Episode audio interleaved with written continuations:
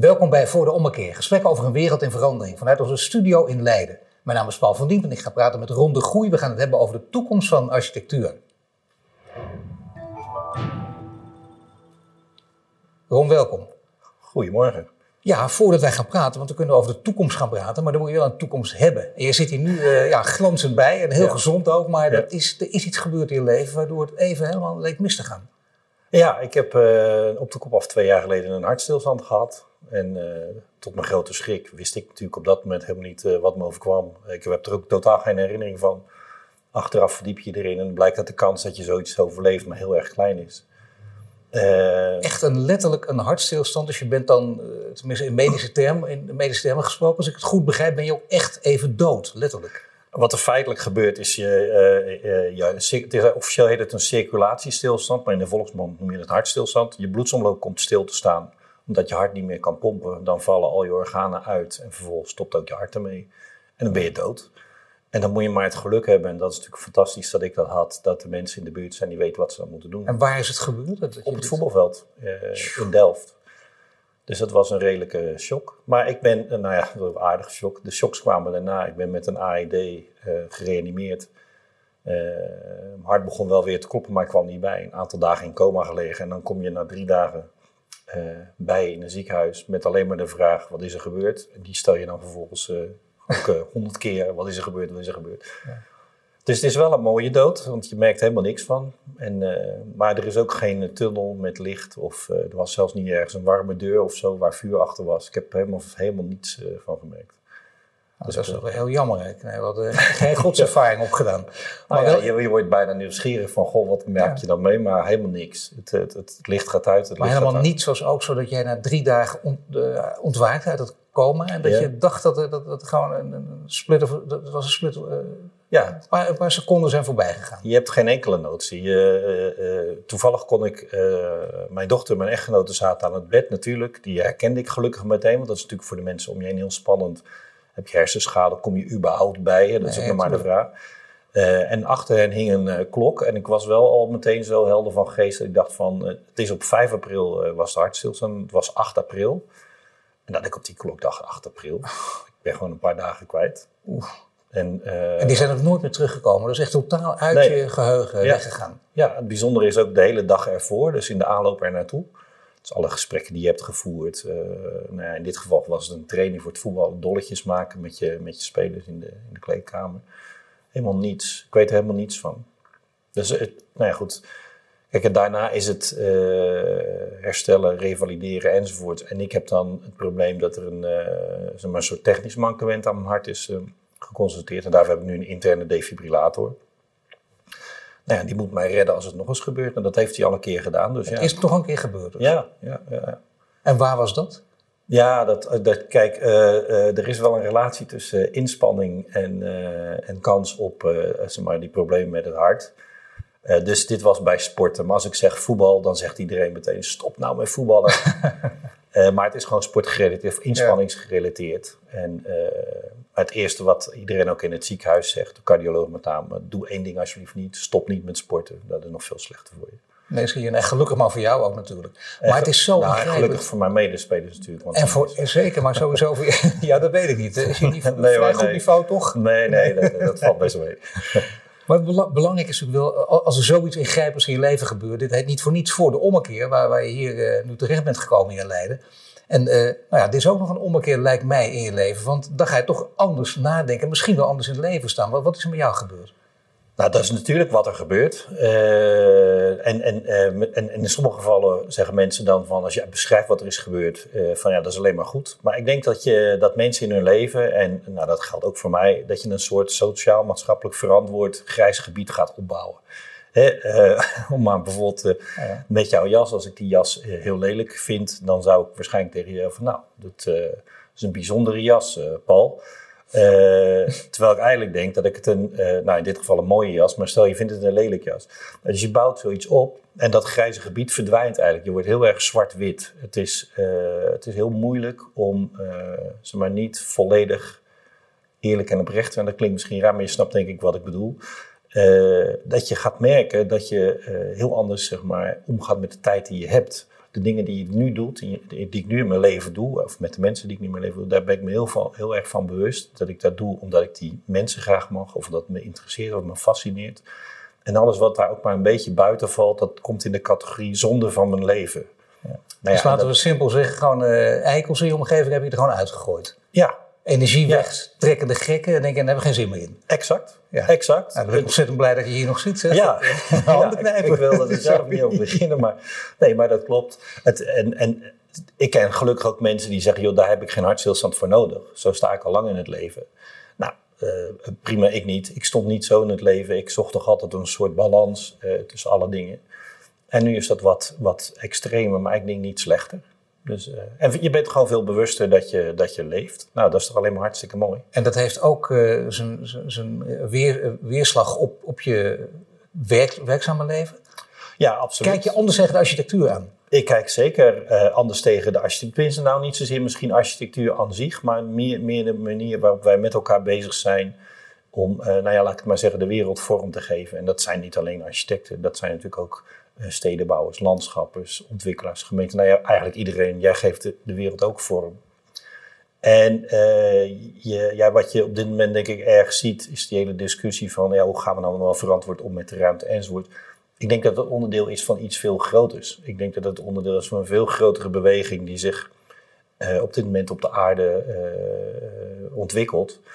Uh, maar dat wij, veel van ons, niet in staat zijn om onze rol daarin goed te kunnen identificeren. Dus architecten denken, ik moet, ik moet dingen ontwerpen, ik moet tekenen, ik moet, moet woningen maken, uh, ontwikkelaars willen bouwen enzovoort.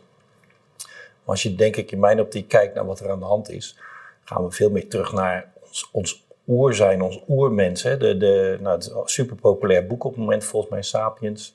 Zeker. Daar staat het al in over uh, dat wij van oorsprong jagers verzamelen, wij verplaatsen ons we hadden eigenlijk weinig bezit, behalve de tools die we echt uh, nodig hadden om te kunnen uh, overleven.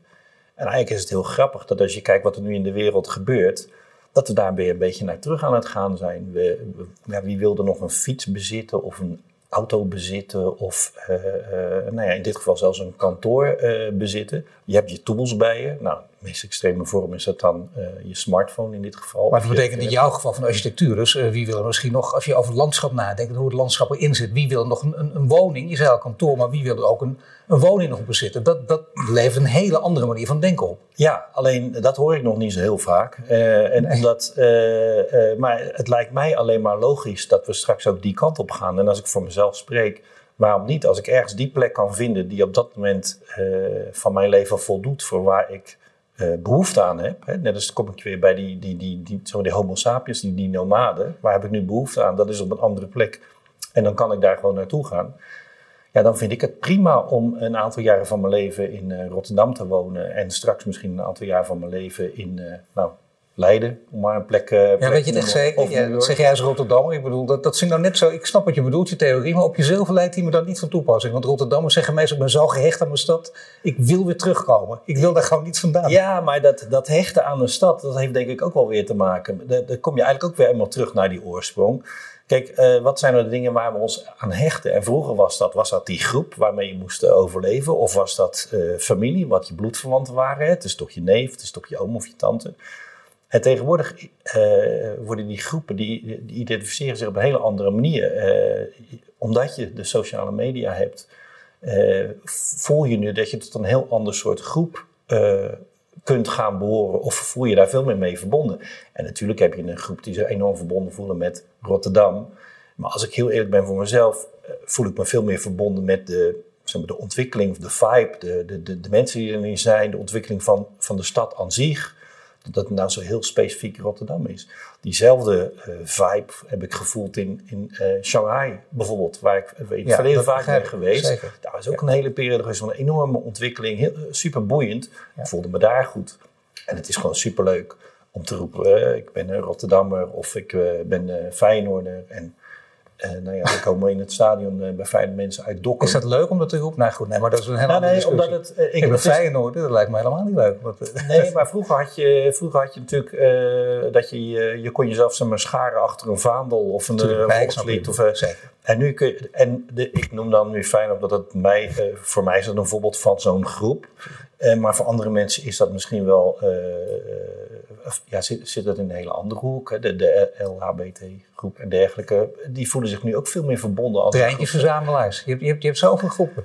Exact. En dat nee, maar weet je waar, maar, maar, zijn maar, aan je stad. Of wat ik wil weten is, je, je hebt net natuurlijk, dat is een ingrijpend verhaal, een ingrijpende gebeurtenis in je leven meegemaakt. Je zegt, ja, die heeft wel degelijk invloed gehad op mijn werkzame leven, ook op jouw kijk op de architectuur. Maar zoals je nu hierover praat, over, over deze ommekeer, de onthechting, daar gaat het eigenlijk om. Dat is, dat is volkomen nieuw, dat heb je daarvoor niet bedacht. Nee. Nee. nee, ja, nu kun Toen je... hechtte je aan spullen eigenlijk, was je heel materialistisch ingesteld. Nou, kijk, die, die, die uh, niet gehecht zijn aan spullen, uh, dat is natuurlijk iets wat met de huidige generatie veel nadrukkelijker naar voren aan het komen en ze veel zichtbaarder wordt. En uh, als je kijkt, uh, als je nu mensen vraagt van nou zou je een auto willen bezitten, dus maar in jouw en mijn tijd was dat misschien toch een soort van statussymbool of een, een, een bewijs van succes. Ik heb het altijd gelul gevonden, maar ik ben met je eens, het is waar. Heel veel mensen vonden dat en, en ik denk nog steeds trouwens, hoor, maar dat is wel aan het verschuiven. Ja, en de vrijheid, ik kan me verplaatsen, ik uh, ben mobiel, ik kan overal naartoe waar ik wil, et cetera. Uh, uiteindelijk blijkt in de praktijk dat die auto helemaal niet zo vaak wordt gebruikt. Ik geloof maximaal één uur per dag en van dat uur staat die geloof ik twintig minuten nog stil. Hè, Nee, het was de heilige koe. Even terug naar het kabinet en uil. Hebben wij nog net meegemaakt als kleine jongen volgens mij. Hoe oud ben jij Ron? Ik ben 52. Ja, zie je wel. Ja. Nou, nog net. En dan ja. weet je gewoon dat, dat er inderdaad in die tijd de heilige koe elke arbeider een auto. En dat is, uh, we leven nu in andere tijden. Ja. Nou ja, en waar, uh, waar ik zeg maar uh, wat, wat kritischer op ben geworden, of misschien niet kritisch op ben geworden, maar waar ik, waar ik me, nu meer naar kijk, is natuurlijk dat zeg maar de, de, laten we zeggen, de politieke invloed op dat soort zaken. Er waren belangen, en ook zakelijke belangen, om iedereen die auto te krijgen. Hè? Olie, inkomsten enzovoort. Uh, en ik, heb het, uh, ik ben van mening dat er nu nog steeds diezelfde belangen spelen om mensen in woningen te krijgen. Hè? Als je gewoon kijkt naar de ontwikkeling op de geldmarkt, de rente is laag. Uh, en wie hebben er nou belang bij? Wie hebben er nou echt belang bij dat we straks allemaal weer heel veel woningen gaan bouwen? Dat zijn bouwers, ontwikkelaars, beleggers. Maar dat is zo'n dun, fragiel iets dat als maar even de rente gaat stijgen, Kijk, kijk naar uh, exact dezelfde situatie die we hadden in, uh, voor 2008. Alle indicatoren zijn volstrekt hetzelfde als nu. En als je dan kijkt, wie hebben er nu belang bij om te roepen... en er moeten veel meer woningen en uh, er is enorme schaarste noem het allemaal maar op... dan is dat, maar, puur economisch-commercieel gezien wel logisch dat ze dat roepen. Maar ik vind het een beetje een soort, ja, nog maar wag the dog. Afleiden van waar het echt om gaat. En waar het echt om gaat zijn dat, ik denk veel sneller dan we zouden durven denken. Er helemaal niet meer zo'n behoefte is aan al die woningen van al die mensen die dan allemaal in die steden willen blijven. Natuurlijk willen in de steden blijven. Maar wat krijg je dan, wat krijg je dan voor mijn begrip? Hè? Zijn er dan mensen die, die uh, twee jaar hier wonen, dan twee jaar daar wonen, vier jaar daar werken? Of werken en wonen gaan dan vaak samen natuurlijk. Maar dat hoeft ook niet op een vaste plek te zijn. Je kunt overal vandaan werken. Dat zie ik wel om me heen ook gebeuren. Mensen die gewoon vanuit, uh, bijvoorbeeld vanuit Portugal uh, een stukje stikken. Ja. Of podcastjes maken. Dat ja. kan. Ja. Nou ja, dat is een, dat is een voorbeeld. Ja, ik zit nu ook in Leiden, dat ik Amsterdam woon. Weet je? Dat, ja, hoe is het mogelijk? Hè? Ja.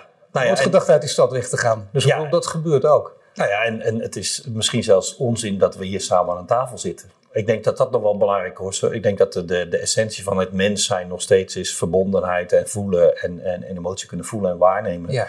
Maar in theorie hadden we dit ook via een Skype kunnen doen. Maar precies wat jij schetst, dan je van het niet meer per se op een bepaalde plek hoeven te werken of je werk te doen. Datzelfde geldt uh, in mijn optiek voor het wonen. Dat heeft heel veel te maken met mobiliteit en de wijze waarop we ons, uh, ja, ons land uh, inrichten. Uh, want een hele belangrijke reden voor heel veel mensen om bijvoorbeeld in de grote steden met name nu te zeggen van nou, ik heb geen uh, auto meer nodig, is dat er heel veel alternatieven zijn. Ik heb geloof ik wel vijf apps op mijn telefoon. Ik kan scooters huren, ik kan uh, elektrische autootjes huren enzovoort. Ik kom op een niveau dat het onzin is om, om een auto te hebben. Maar dan gaat het over de, de, mogelijke scenario's van de toekomst van de stad. En die worden behoorlijk uitgetekend. En dan gaat het wel die kant op natuurlijk. Hè. Door duurzaamheid valt natuurlijk ook hier weer voortdurend. Kan ook niet anders. Ja. Maar dan moet het wel kloppen ook. Dan moet je bijvoorbeeld uit de trein kunnen stappen en meteen weten... kan hier op de fiets stappen. Dan moet die aansluiting moet ook in orde zijn. En als dat allemaal waar is en goed is... dan ben je denk ik bereid, zelfs de, de, de notoire autoliefhebber... is dan bereid om die auto even in de stad aan de kant te zetten. Daar kan ik me nog eens bij voorstellen. Dat klopt. Dat klopt helemaal wat je zegt. Alleen uh, als je nu naar de wat grotere steden kijkt waar dat al gebeurt. Hè, dus waar je Utrecht, ook, Amsterdam. Utrecht, Amsterdam, maar in uh, Rotterdam uh, natuurlijk ook. En dit bedoel ik meer de, de kans die je hebt om je te verplaatsen. En als ik gewoon Rotterdam als voorbeeld neem, in relatie tot bijvoorbeeld Amsterdam, is nu door het hele eenvoudige, maar hoge snelheidsverbinding, in 25 minuten ben je van Rotterdam naar Amsterdam. En wij denken dan, nou dat is fijn, dan ben je snel op, het, op het vliegveld. Maar wat je vervolgens ziet gebeuren, is dat plots voor mensen in Amsterdam werken en het moeilijk vinden om daar woonruimte te vinden, dat ze Rotterdam als alternatief gaan zien om te kunnen wonen. Alleen maar door die goede verbinding. Dus eh, ik denk dat met name die mobiliteit en hoe dat wordt ingericht ervoor zal gaan zorgen dat het eigenlijk heel logisch wordt. Dat je niet, echt natuurlijk wonen altijd mensen in het centrum van de stad, maar dan gaan ook mensen wat verder van die stad vandaan wonen. Wij hebben met ons bedrijf kantoor in Rotterdam en in Antwerpen bijvoorbeeld. Ik heb uh, al twee jaar lang niet meer de auto naar Antwerpen genomen. Want ik stap bij ons op de, op de trein. Een goede verbinding. Ik ben zo in Antwerpen daar met een pasje op mijn fiets naar kantoor. Waarom zou ik het anders gaan doen? Maar dat is nog. Nou ja, als je gehecht bent aan je auto en als je mensen aanneemt, kun je ook in je aannamebeleid kun je ook zeggen. Ik, ik ken mensen die zeggen: eh, ik, ik vind een belangrijke vraag: eh, wil je wel of geen leaseauto? Als je er erg aan gehecht bent, ook al vind ik je goed, dan neem ik je toch niet aan. Dan neem ik toch een ander. Ga jij ook zo of niet? Ja, absoluut. Ja, ik, eh, het, dus als ik een enorme topper ben, jij wil mij per se jouw bedrijf hebben, alleen ik ben wel gehecht aan mijn leaseauto, zeg je toch nee tegen mij? Nou, dat is, dat is dan uh, eigenlijk wat je nu schetst, is van hoe ver ga je in je, uh, in je bereidheid om breed te dragen aan uh, een beter milieu, een, betere, een betere aarde, om het zo te zeggen. En daarvan vind ik, dat moet iedereen doen op een niveau dat hij, zich, dat hij zelf kan. ik heb een enorme hekel aan als mensen gaan, als ik aan jou ga uitleggen wat jij moet gaan doen om dat te doen. Ah, gelukkig. En in dit, maar in dit geval zou ik, is dat een van de dingen die wij met ons bedrijf kunnen doen. Van joh, luister, en letterlijk zo, uh, zo ligt de keuze echt voor. Van luister, je kunt bij ons komen werken. Maar, je maar dat dus bedoel ik al. Dan, dan, is het, dan ben je geen dominee, want je wil mensen toch verleiden. Maar dan verleid je ze met andere dingen. En dan kun je zeggen, nou wij zijn zo'n soort kantoor. Dat, dat kun je natuurlijk aangeven. Ja, maar je gaat daardoor mensen ook wel weer maximaal faciliteren. Hè, dat is natuurlijk de essentie om het zonder die auto te kunnen doen. Dus ze krijgen toegang tot al die, nou ja, al die uh, voorzieningen zeg maar, die er al zijn. Uh, en lukt dat dan echt niet, nou, dan, dan kun je altijd nog zenden, dan kun je een auto huren of uh, nou, met een Uber of iets dergelijks. En zo, maar, maar waar ik naartoe wil, uh, sorry Paul, ten aanzien van mobiliteit, want dat is wel belangrijk. Kijk, je ziet dat nu ontstaan in die grote steden. Daar hè, trekken veel mensen naar de steden toe. daar is behoefte aan die voorzieningen. Uh, wat ik zo interessant vind, is dat we uh, kennelijk niet in staat zijn met elkaar te denken. Wat ik voor, heel voor de hand liggend vind, is uh, nu kan ik hier een Uber voor de deur laten komen. Ja. En die brengt mij naar het station en dan naar, naar Rotterdam. Even een bellen. en daar zit een chauffeur in. Nou, ik, ik ben er heilig van overtuigd, en met mij denk ik best veel mensen, dat ik binnen afzienbare tijd, als ik die Uber vraag, dan, is het, dan zit er geen chauffeur meer in. Dan zitten er misschien nog twee andere mensen in een klein elektrisch uh, autonoom uh, wagentje. En dan breekt me naar het station en ik word naar Rotterdam gebracht en daar staat de volgende voor me klaar. dat, betekent, dat betekent enorm veel, zoiets simpels als dit, voor de, voor de infrastructuur in de stad, in de bereikbaarheid van de plek waar je wil wonen of werken. En het grappige is dat je nu nog merkt dat bijvoorbeeld, nou ja, overheden hebben daar heel veel moeite mee om dat in hun beleid zeg maar, op te nemen. Dat die zeggen, ja, maar Ron, dat, dat duurt nog wel twintig jaar. Oh, sorry. Dat duurt nog wel twintig jaar. Dat mag best hoor. Ja, ja goed, het hoort erbij. ja, maar dat duurt nog wel twintig jaar. Maar uh, ja, twaalf jaar geleden was het nog maar dat we de, de, de, smartphone, hè, dat, dat eh, Steve Jobs met zijn eh, iPhone in zijn handen stond. En dat is, mensen lijken heel snel te vergeten dat dat nog maar zo kort geleden was. Dat we de Tesla ook nog maar kort hebben, die elektrische auto's.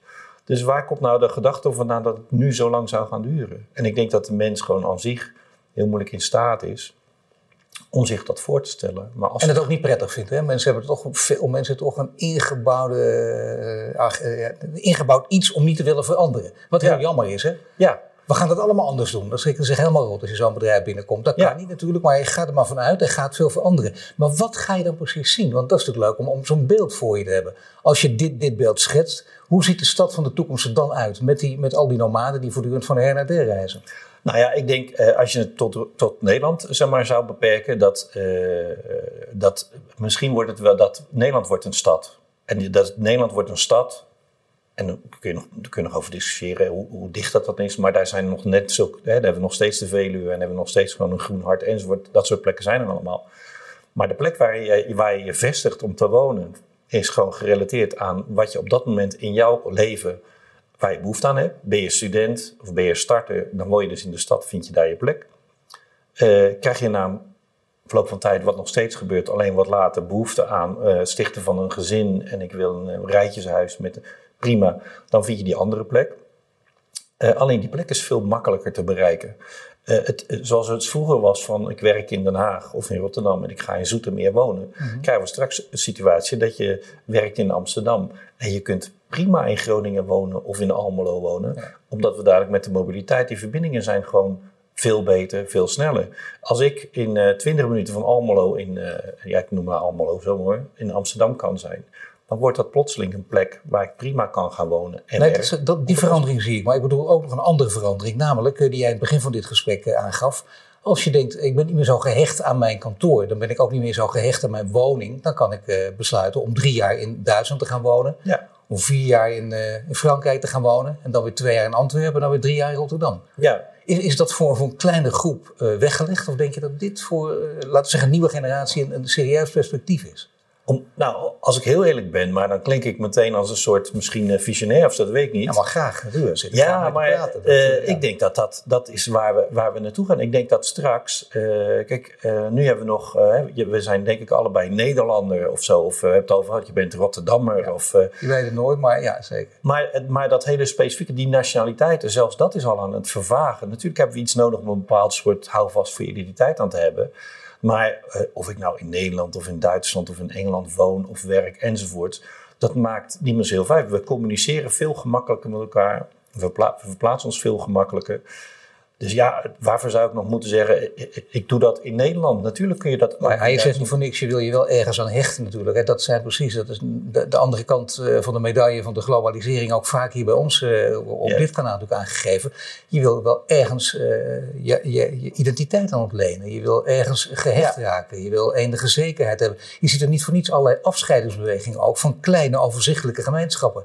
Friesland ja. wil zich afscheiden, Catalonië. Je kunt ook zeggen, ja, doe maar. Als je met, ja. dat is ook prettig, als je daar goed bij voelt. Ja, ja ik, denk dat dat, uh, ik denk dat dat heel goed is om, zich te, om, om, dat, zeg maar, om die ontwikkeling toe te staan. Uh, en dat, uh, het zal ook gewoon gebeuren. Want we doen nu net alsof we zeg maar, het vormen van bepaalde groepen met interesses of met behoeften en dergelijke. Alsof we dat bij de grenzen van onze landen kunnen stoppen. Maar dat is natuurlijk al lang niet meer zo. En dat zul je ook gaan zien in. Uh, ja, mensen gaan gewoon op zoek, en dan kom je weer bij die, die, die Homo sapiens uh, terecht, naar die plek waar ze op dat moment uh, en behoefte aan hebben en waar voor hen, de voorzieningen zijn, heel specifiek. en daar zijn ze voor zolang als dat, dat, dat, dat, die plek in die behoefte voorziet. Komt er een andere behoefte of die plek kan, kan er niet meer zitten, dan verplaats je. En eigenlijk zie je dat nu bijvoorbeeld al gebeuren met de kantoren. We hebben uh, overal ontstaan flexkantoren. Dus bij far de snelst groeiende uh, tak uh, binnen, binnen zeg maar, de gebouwde omgeving. Flexkantoren, flexkantoren. Ik geloof dat we in, in Nederland al tussen de 60 en 70 brands hebben met flexkantoren. En tot mijn stomme verbazing, aanvankelijk, en nu kijk je er wat anders tegen, maar tot mijn stomme verbazing, zeker in het begin, werkt dat. Ja. Het zit er ramvol. Je ziet vanaf ochtends acht zie je mensen daar zitten werken in een, een koffieshop-achtige omgeving. Werken buiten ze het prettig vinden. En omdat ze daar op dat moment de voorzieningen en de mensen kunnen vinden waar ze behoefte aan hebben. Maar daar moet jij als architect van de toekomst dus ook over nadenken. Ook met je plannen die je maakt. En dat geldt ook voor wonen. Hoe gaat wonen? Hoe zie je dan, wat ik flexwoningen? Nou ja, ik denk dus dat integraal aan die ontwikkeling die zit bij Goed woord, waar... flexwoningen. Dat gaat het woord van de toekomst worden. Flexwoningen. Ja, over tien soort... jaar wonen we allemaal in een flexwoning. Nee, ja, over tien jaar hebben we. Uh, nou, tien jaar is dan wel weer iets kort voor deze ontwikkeling. Ja, ja. Maar, uh, zeg maar de, de mensen die dadelijk geen woning meer bezitten, die zijn al geboren. Ik denk dat, we dat, wel, dat ik dat wel durf te zeggen. Maar hoe, hoe leven die mensen dan die geen woning bezitten? Die, nou gewoon, die slapen de ene avond. Nou ja, om heel even die analogie vast te houden met zeg maar, die flexkantoren. Uh, je doet je werk op de plek waar je op dat moment vindt uh, dat je dat daar het beste kunt doen. En na verloop van tijd, dat zie je ook, je bent erop uitgekeken of de mensen die er komen zijn niet meer zo leuk of de koffie is niet meer lekker, maakt niet zoveel uit. Dan ga je naar een andere plek waar andere mensen zijn en waar die plek is. Maar dan ga je dus verhuizen, maar die verhuizingen die, uh, nou ja, die, die gaan ook heel soepel natuurlijk, want je hoeft niks mee te nemen. Of neem je elke keer wel je spullen mee, want dan heb je, kijk, mensen zijn onterecht, dus je hebt al geen spullen nodig. Dan ga je steeds in een andere inrichting ook wonen. Nee, ik denk dat, dat precies net zoals die kantoren, die flexkantoren, ja, je zei net flexwoning, maar zoals die flexkantoren, die zijn natuurlijk, die zijn al met de basisvoorzieningen ingericht. Dus daar kun je komen en daar, daar, is, uh, daar zijn uh, internetvoorzieningen, je kunt er gaan zitten. Dus de basisvoorzieningen zijn er. En dat waar je aan gehecht bent, dat zit in die laptop of op die telefoon, dat heb je bij je. Dus niet meer in het leuke bankstelletje, mooie vloerkleedje. Nou, dat is er waarschijnlijk wel. Die zuinruimte, ja, maar helemaal naar jouw smaak zelf ingericht zoals jij wil. En ook mensen die toch, hè, bepaalde, ik, dat is mijn tapijtje. Dat gaat voorbij. Ja, dat, dat, gaat, dat het zal altijd blijven, maar voor het grootste gedeelte gaat dat voorbij. Want uh, ik denk je het veel meer moet zien dan, uh, als dat uh, wat makkelijk is voor de voorstelling, vergelijk het met gewoon een Airbnb. ik weet niet of je daar wel eens gebruik van hebt gemaakt, maar waarschijnlijk heb je het ook bij Booking.com gedaan met hotels. Uiteindelijk kijk je toch van voldoet dit ook aan waar ik behoefte aan heb. En voor mij geldt, ik ben ontwerper, uh, ik vind het ook belangrijk dat mijn ogen ook een beetje vakantie hebben. Dus dat, ja, dat als ik ergens ja, ben, dat ik nee, me niet kapot zit te ergeren aan uh, ja, allerlei snuisterijen en, uh, enzovoort. Dat ik daar ben, dat ik denk, jee, dat is echt een hele mooie kast of wat een fijn bed. Nee, dat snap ik. Nou ja, zeker. Maar zo kan maar dan kun je dus verschillende, mijn woonplek vinden. In verschillende interieuren woon je dan, die je niet helemaal zelf op uitgezocht, maar die wel helemaal in jouw, uh, jouw richting zitten, jouw ja. smaakrichting ja. zitten. Dan kan dat. Ja. Dat zet de maatschappij behoorlijk op zijn kop. Heb je alle keten, alle, groepen in de keten, zoals het hele lelijkheid, moeten dan mee. Hè? Ja. Heb je dit verhaal eens geopperd aan, uh, bij, bij, bij, gemeentes, bij, bij, bij de vastgoedmannen en vrouwen? Ja, maar dan... Hoe reageer die dan? Nou ja, conservatief, dat is natuurlijk het probleem een beetje. Zeg, Ron, wat is er gebeurd nadat je je hart is stilgestaan? Want je ja, gaat gekke dingen roepen. Ja, ze, hebben, ze, moeten, ze moeten nog een keer doen, even resetten weer. Nee, uh, nee. Uh, het is natuurlijk heel moeilijk en het is fijn om, om, om ook nu zo daarover te kunnen, kunnen spreken. Uh, maar het is voor heel veel mensen moeilijk voorstelbaar. en dat begrijp ik dan niet, want ik probeer in die discussie uit te leggen. Joh, probeer nog eens even terug te kijken naar die afgelopen twaalf jaar. Het moment dat er nog geen iPhone of smartphone was, wat er allemaal is gebeurd waarom is dat dan onvoorstelbaar, wat er nog voor ons ligt? En het andere is natuurlijk een soort onzekerheid. En uh, die onzekerheid gaat met name om, uh, wat betekent dat dan voor, voor mij als persoon? Onzeker. Wat betekent het voor mijn onderneming? Wat betekent het voor uh, die ontwikkelaar of die aannemer die nu zijn geld verdient met het bouwen van een huis? Wat betekent het voor Anders. mij? Ik ben gehecht bijvoorbeeld aan, uh, dat ben ik niet, maar stel, aan, uh, ik wil mijn vloertje en ik wil naar mijn vloerenboertje toe en die doet het altijd zo goed. En ik heb tijd voor een nieuwe vloer en is mijn vloer niet meer. Kom op Ron, waar ben je mee bezig? En maar goed, dat soort gedachten kunnen natuurlijk door je hoofd gaan spelen. Ja, maar het, het interessante is dat jij bent helemaal niet zo gehecht aan die vloer. Nee. Want Alleen dat, denk ik dan. Dat denk je dan, ja. En het maar zijn bepaalde andere Ga jij mij vertellen dat ik niet weet of ik gehecht ben aan mijn vloer? Nee, maar even serieus. Nee, maar daar, ga je, daar kom je achter. Want je komt erachter dat als je dan toch die stap neemt... Hè, en dat is natuurlijk een ontwikkeling die wel even gaat duren... en je komt in een andere ruimte waar diezelfde sfeer, datzelfde gevoel is... als wat jij had op die plek met het... dan merk je dat het niet zozeer ging om die vloer waar je zo aangehecht was... maar de combinatie van factoren, dat gaf jou een gevoel van rijkdom... of het gaf je een gevoel van uh, warmte... En, nou ja, en, en dat is, dat, ja, daar schieten we heel erg in andere hoeken. Dat zie je bijvoorbeeld ook bij um, uh, programma's waar mensen hun huis worden veranderd. Ja. En dan gaan ze weg, komen ze terug. nou, dan zie je denk ik heel goed ja. bij een geïllustreerd hoe beperkt gehecht mensen maar echt zijn. Want al die dingen die op dat moment in hun huis staan, daar waren ze natuurlijk enorm aan gehecht. En er komt bijna niets van terug. En het is compleet anders. Zeggen ze, nou fantastisch, dit is wat we altijd hadden willen hebben. Ja, dat is waar.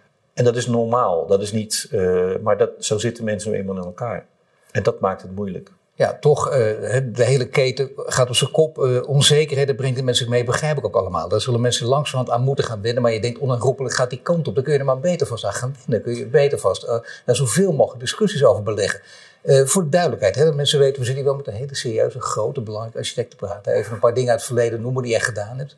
ASML-gebouw schiet mij altijd te binnen. Nou, dat is in het verleden, ja. Ik heb dan uh, in mijn carrière bij verschillende bedrijven uh, gewerkt. Of als partner, uh, of, of gewoon, zoals, zoals we in België volgens mij zeggen, als bediende. Wat ik dan weer zo heel mooi klassiek vind op de een of andere manier.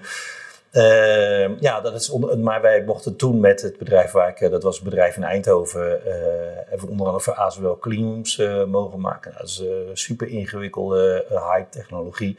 Tegelijkertijd mochten we werken aan projecten voor de Efteling. En, en uh, eigenlijk gaat het dan niet eens zozeer om uh, die, dat enorme grote verschil van die projecten. Maar wat natuurlijk fascinerend is, gewoon het hele proces bij de totstandkoming uh, van die gebouwen.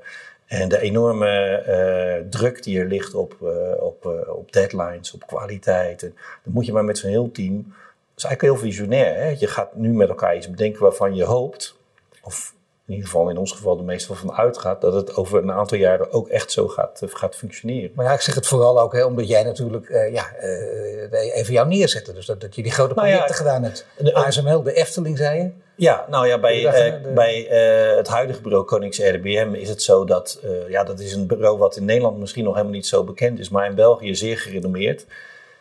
En in België liggen die structuren natuurlijk ook een beetje anders. Hè. Daar, daar, daar, ja, dat, uh, daar gaat het ook meer om ons kent ons, maar op een positieve manier, laat dat duidelijk zijn. Maar daar hebben we ook het woord het uh, paviljoen voor de Wereld Expo in Shanghai uh, mogen maken.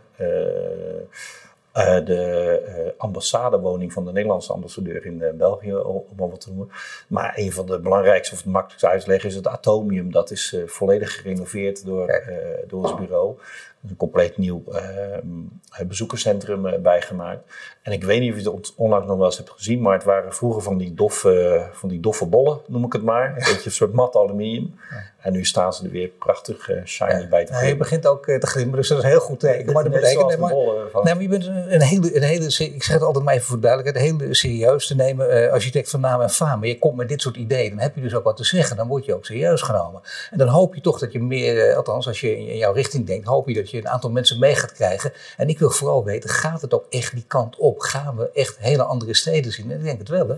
Nou, ik ben ervan overtuigd. Flexkantoren en flexwoningen, dat is echt gewoon eh, de, de stad van de toekomst dus. Het is... Uh, Geen auto's? nou, het is een hele logische ontwikkeling. Geen vloerenboeren meer? Nou ja, die, die zullen allemaal nog wel bestaan, maar op een hele andere manier. Ze krijgen een hele andere rol in dit proces. Alleen wat het, uh, wat het grappige is, hè, ik ben een architect, ik kom uit die branche en ik heb net zoveel boter op mijn hoofd hoor. Ik bedoel, ik, wij zijn het ook gewoon die die woningen ook nog ontwerpen, want uiteindelijk moet ook brood op de, pla brood op de plank, hè, want zo, zo zit je dan in elkaar. Uh, en je probeert te doen wat je kunt doen om die verandering te brengen. Maar wij zijn van, van, van, uh, van nature een hele traditionele beroepsgroep. Wij architecten. Hè, nou, ik heb ze even op elkaar traditioneel, dat is nog netjes uitgedrukt. Nee, elitair, arrogant, bedweterig. Het aangezicht van de woning is veel belangrijker, mevrouwtje, dan, uh, dan het, het uitzicht, weet je, dat soort dingen. Ja. ja, dat is heel vervelend natuurlijk. Is dat er een beetje aan het afgaan of hoort die combinatie nog steeds wel bij bepaalde architecten, denk je? Ja, het is er wel een beetje aan het afgaan. Toch wel? Ja, natuurlijk wel. En, Met nieuwe generaties. Vind, en er zijn er een paar die nog steeds zo zijn. En dat, dat wordt dan een beetje, uh, ja, dat is een beetje... Die, maar wie zijn er toch? Wie zijn er toch? Hebben we het dan over... Uh, God, kom, help me even. Ben van Berkel, Rim Koolhaas, Winnie Maas. Allemaal aardige collega's natuurlijk. Nee, maar goed. Nee, het, nog steeds. ik denk dat, het, dat heel veel van de namen die je noemt, maar ook buitenlandse architecten, die gebruiken dat natuurlijk ook als een soort tool, marketing, onderscheidend vermogen. Hè? En dat kun je en, maar uh, je kunt je, je, onderscheiden met inhoud en je kunt je onderscheiden met een, uh, met een hanenkam op je hoofd, bij wijze van spreken. Ja, als je je maar onderscheidt. En dat is een beetje natuurlijk wat er gebeurt. En ik vind dat van de namen die je noemt, met name binnen Nederland, zijn natuurlijk wel een aantal architecten die uh, gewoon fantastische ja. dingen hebben bedacht of neergezet. Of in ieder geval tot discussie hebben geleid. Hè? Want dat, dat telt, telt denk ik ook wel mee. Maar die verandering waar we het over hadden van de, van, van de manier waarop we omgaan met onze gebouwde omgeving, die gaat niet van ons komen. Die gaat niet van de architecten komen. Die gaat niet van de aannemers komen, de ontwikkelaars komen. Dat kunnen wij niet. Wij, uh, van wie gaat het wel komen dan? Dat moet van buitenaf uh, komen. En ik weet, ik weet ook niet van wie. Uh, maar wij zijn niet in staat. De politiek, de gemeente? Nee, nou ja. de Rijksoverheid? Ik, ik denk niet dat die daartoe ook. Een nieuw deltaplan misschien wel op dit gebied? Nou, ik, ik hou, hou, bewust eigenlijk open van, uh, je weet niet waar het vandaan komt. Het kan een, een, een, eh, een, innovatie zijn, van techniek zijn, of van overtuiging zijn. Of misschien is het straks alweer de nieuwe huizencrisis die plotseling ons gaat laten inzien dat al die hypotheken en ons in de schulden steken helemaal niet de oplossing is voor mijn toekomst. En uh, ik vergelijk het wel eens met, met bijvoorbeeld Uber en, en de taxibranche. Wij zijn gewoon de taxichauffeurs die bij elkaar zitten en bedenken hoe gaan wij nou eens even disruptief zijn. Nou, en dan komen we echt niet verder dan een flesje water op de achterbank en een doosje tissues. nee, en, uh, en, en, die disruptie komt dus van buitenaf. En dat mm. geldt voor ons precies hetzelfde. Het, is bij, het is in die branche ook niet zo geweest, in de hotelbranche ook niet. En het is misschien wachten op wat zal dat dan zijn? Maar er is straks een aanleiding voor, waardoor het compleet anders wordt. En daar je- wordt het dus eh, beter van. Hè? Laat dat Nee, dat geloof ik onmiddellijk, zeker. Duidelijk Dus zijn. Nogmaals, nee, natuurlijk, dat is duidelijk naar jouw verhaal, dat, eh, dat weet ik zeker. Alleen, eh, je hebt veel internationaal gewerkt ook, inderdaad Ja. in China, in, in India, in Rusland. Denk je dat het dan eerder uit, uit die hoek gaat komen, uit die landen gaat komen, dan uit Nederland? Nou ja, ehm, eh, ja, dat zou zomaar kunnen. Laat ik het maar zo zeggen. Kijk, eh, eh, als je al, nou, China is dan het makkelijkste voorbeeld misschien. De enorme eh, verstedelijking die daar plaatsvindt, de omvang van de steden, daar lachen we soms om. Hè. Shanghai, dat heeft nog meer inwoners dan Nederland.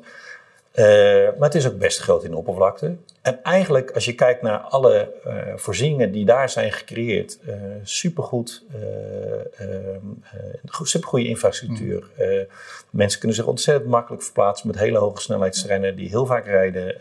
Metrosystemen zijn supergoed. En dus die hele conglomeratie. Maar die wel gehecht aan een eigen woningje, toch of niet? Nee, nee, nee, heel weinig eigenlijk. zie je, maar- dan is dat dat is toch- een van die dingen. Maar wat wil ik daarover zeggen? Over die, eh, al die mensen bij elkaar. Nou ben ik het heel even kwijt. Nou ja, dat je ziet dat, dat China eigenlijk als voorbeeld kan dienen voor ons. Oh ja. Ze zitten allemaal bij elkaar. Maar kijk naar de technologische ontwikkelingen. En dat is natuurlijk iets wat al, ook al eh, sinds, eh, sinds de smartphone aan de gang is. Daar is die hele ontwikkeling al oneindig veel verder dan wij. Wij zitten nog te hannissen met hè, dat het nu een beetje komt dat je met je mobiele telefoon ook gaat betalen enzovoort. Daar is alles al met je mobiele telefoon. Eh, je, je paspoort zit erin, je gebruikt er het openbaar vervoer mee, je betaalt ermee. Geen privacyregels, het gaat allemaal veel makkelijker daar. Maar je hebt ook natuurlijk spooksteden, je hebt ook eh, je hebt een hele andere, andere constellatie, hoef ik jou maar niet uit te leggen. Je hebt ook als architect veel meer te maken met, eh, met corruptie dan hier natuurlijk. Maar goed, dat zijn hele andere, daar kunnen we nog een ander interview over maken. Maar toch zou het dus daar, denk jij, vandaan kunnen komen. En dan gaan we dat op onze eigen manier, gaan we dat aanpassen. Nou ja, eh, eh, dan, dan maar bij China blijvend. Je, hebt, je noemt de spooksteden nu. Eh, we moeten denk ik leren van de dingen die we om ons heen zien gebeuren. En in tegenstelling tot vroeger kunnen we natuurlijk van de hele wereld op dit moment leren wat er gebeurt. En we moeten af, en dat, dat zijn we gelukkig wel aan het doen, van de illusie dat wij het hier allemaal weten, hoe het moet en hoe het gaat. En dat is al lang niet meer zo. En in China zie je dus dingen die goed gaan. Dan heb ik het over die, eh, die, de, de wijze waarop ze infrastructuur eh, inrichten, eh, wijze van de, de verstedelijking. En je ziet dingen misgaan. Want die spooksteden, dat is eigenlijk, ik vind dat vergelijkbaar met wat er nu gebeurt. Dat is allemaal ge- ge- gekomen door speculatie op de woningmarkt. Beleggers, in dit geval heel vaak privébeleggers, die allemaal woningjes en koninkjes woningjes wilden kopen om die te kunnen verhuren aan eh, mensen die nog niet de woningmarkt op konden. En zo zijn er dus in China complete spooksteden eh, tot stand gekomen. Nou, dan denk ik van, ja, als we dat nou weten en we zien dat, en we roepen hier, we moeten nog veel meer woningen, woningen, woningen gaan bouwen enzovoort. Moeten we dan niet eens af en toe reflecteren, en dat mag ook zonder hartstilstand, eh, om, om te kijken van, zijn de dingen die we hier nu aan het doen zijn op die grote schaal wel de goede dingen die we aan het doen zijn? En ik denk van niet. Ik hoop eh, jou hier vaker over te spreken, want het is interessant. Hè? Dit vind ik een interessante ontwikkeling ook om gewoon eh, mee te blijven maken. Om er zoveel tijd er even op te reflecteren. Eh, heel veel dingen zijn dus ook aan het veranderen. Die gaan nog veranderen. Kunnen we ook gewoon daar dan over hebben. Misschien over de oude stukjes uit dit interview naar halen. Kijken wat er gebeurd is. Maar één ding blijft onveranderd, namelijk jouw kleding. Je blijft de architect, de man in het zwart. ja. Ja, dat is natuurlijk altijd, dat is mijn hele leven. Nou, dat is niet mijn hele leven. Dat is denk ik vanaf mijn vijftiende is dat dan het verhaal. Ehm, het is heel simpel. Eh, vroeger mocht, kreeg ik kleedgeld. En in mijn, in mijn herinnering kreeg ik dan eh, vanaf mijn 15 kreeg ik 100 gulden per maand om al mijn kleren van te kopen. Sokken, onderbroeken enzovoort. En als ik echt iets niet heel erg leuk vond, was het wel winkelen. En eh, ik kwam al snel tot de conclusie van nou, als ik iets zwarts aantrek, dan, dan is het wel Gaat oké, goed. wees, gaat het wel goed. En pas toen ik bouwkunde ben gaan studeren in, in Delft, toen viel mij op van... En ik liep, over mijn middelbare school liep ik al met een, eh, een Ray-Ban eh, bril die ik had laten, waar ik nog maar gas in had laten zetten. Dus, maar dat was omdat ik een enorme fan was van Elvis Costello. Ja, die nou, liep dat toevallig goed uit. Ja. En toen kwam ik op de, te- op de technische hogeschool, het toen nog. En toen dacht ik, hé, ik zie allemaal van die mensen in het... eh. Zijn dit allemaal Elvis Costello fans of hoe zit dat? En toen kwam ik eigenlijk pas achter dat dat het uniform was van, eh, van de architect. ja. Ja, en nou ja, dan zit ik ook wel weer zo in elkaar van... Heb ik even getwijfeld, word ik een soort, soort uh, Soeters, hè? Dan ga ik alleen maar in knal, geel, oranje, groen en blauw lopen bij spreken. En ik had gedacht, nee, ik blijf gewoon zo dicht mogelijk bij mezelf, authentiek. Dus Ja. ik, eh, en dat doe ik eigenlijk nog steeds. En toevallig zien wij er allebei nu zo uit. En, en mensen Ja. die alleen niet luisteren, maar alleen kijken, die zitten hier twee Elvis Costello fans. Die willen een beetje nadoen, maar dat is niet het geval, puur toeval. Ik dank je wel, Rob de Goeie, toparchitect. Dank je wel. Dankjewel. Dank je.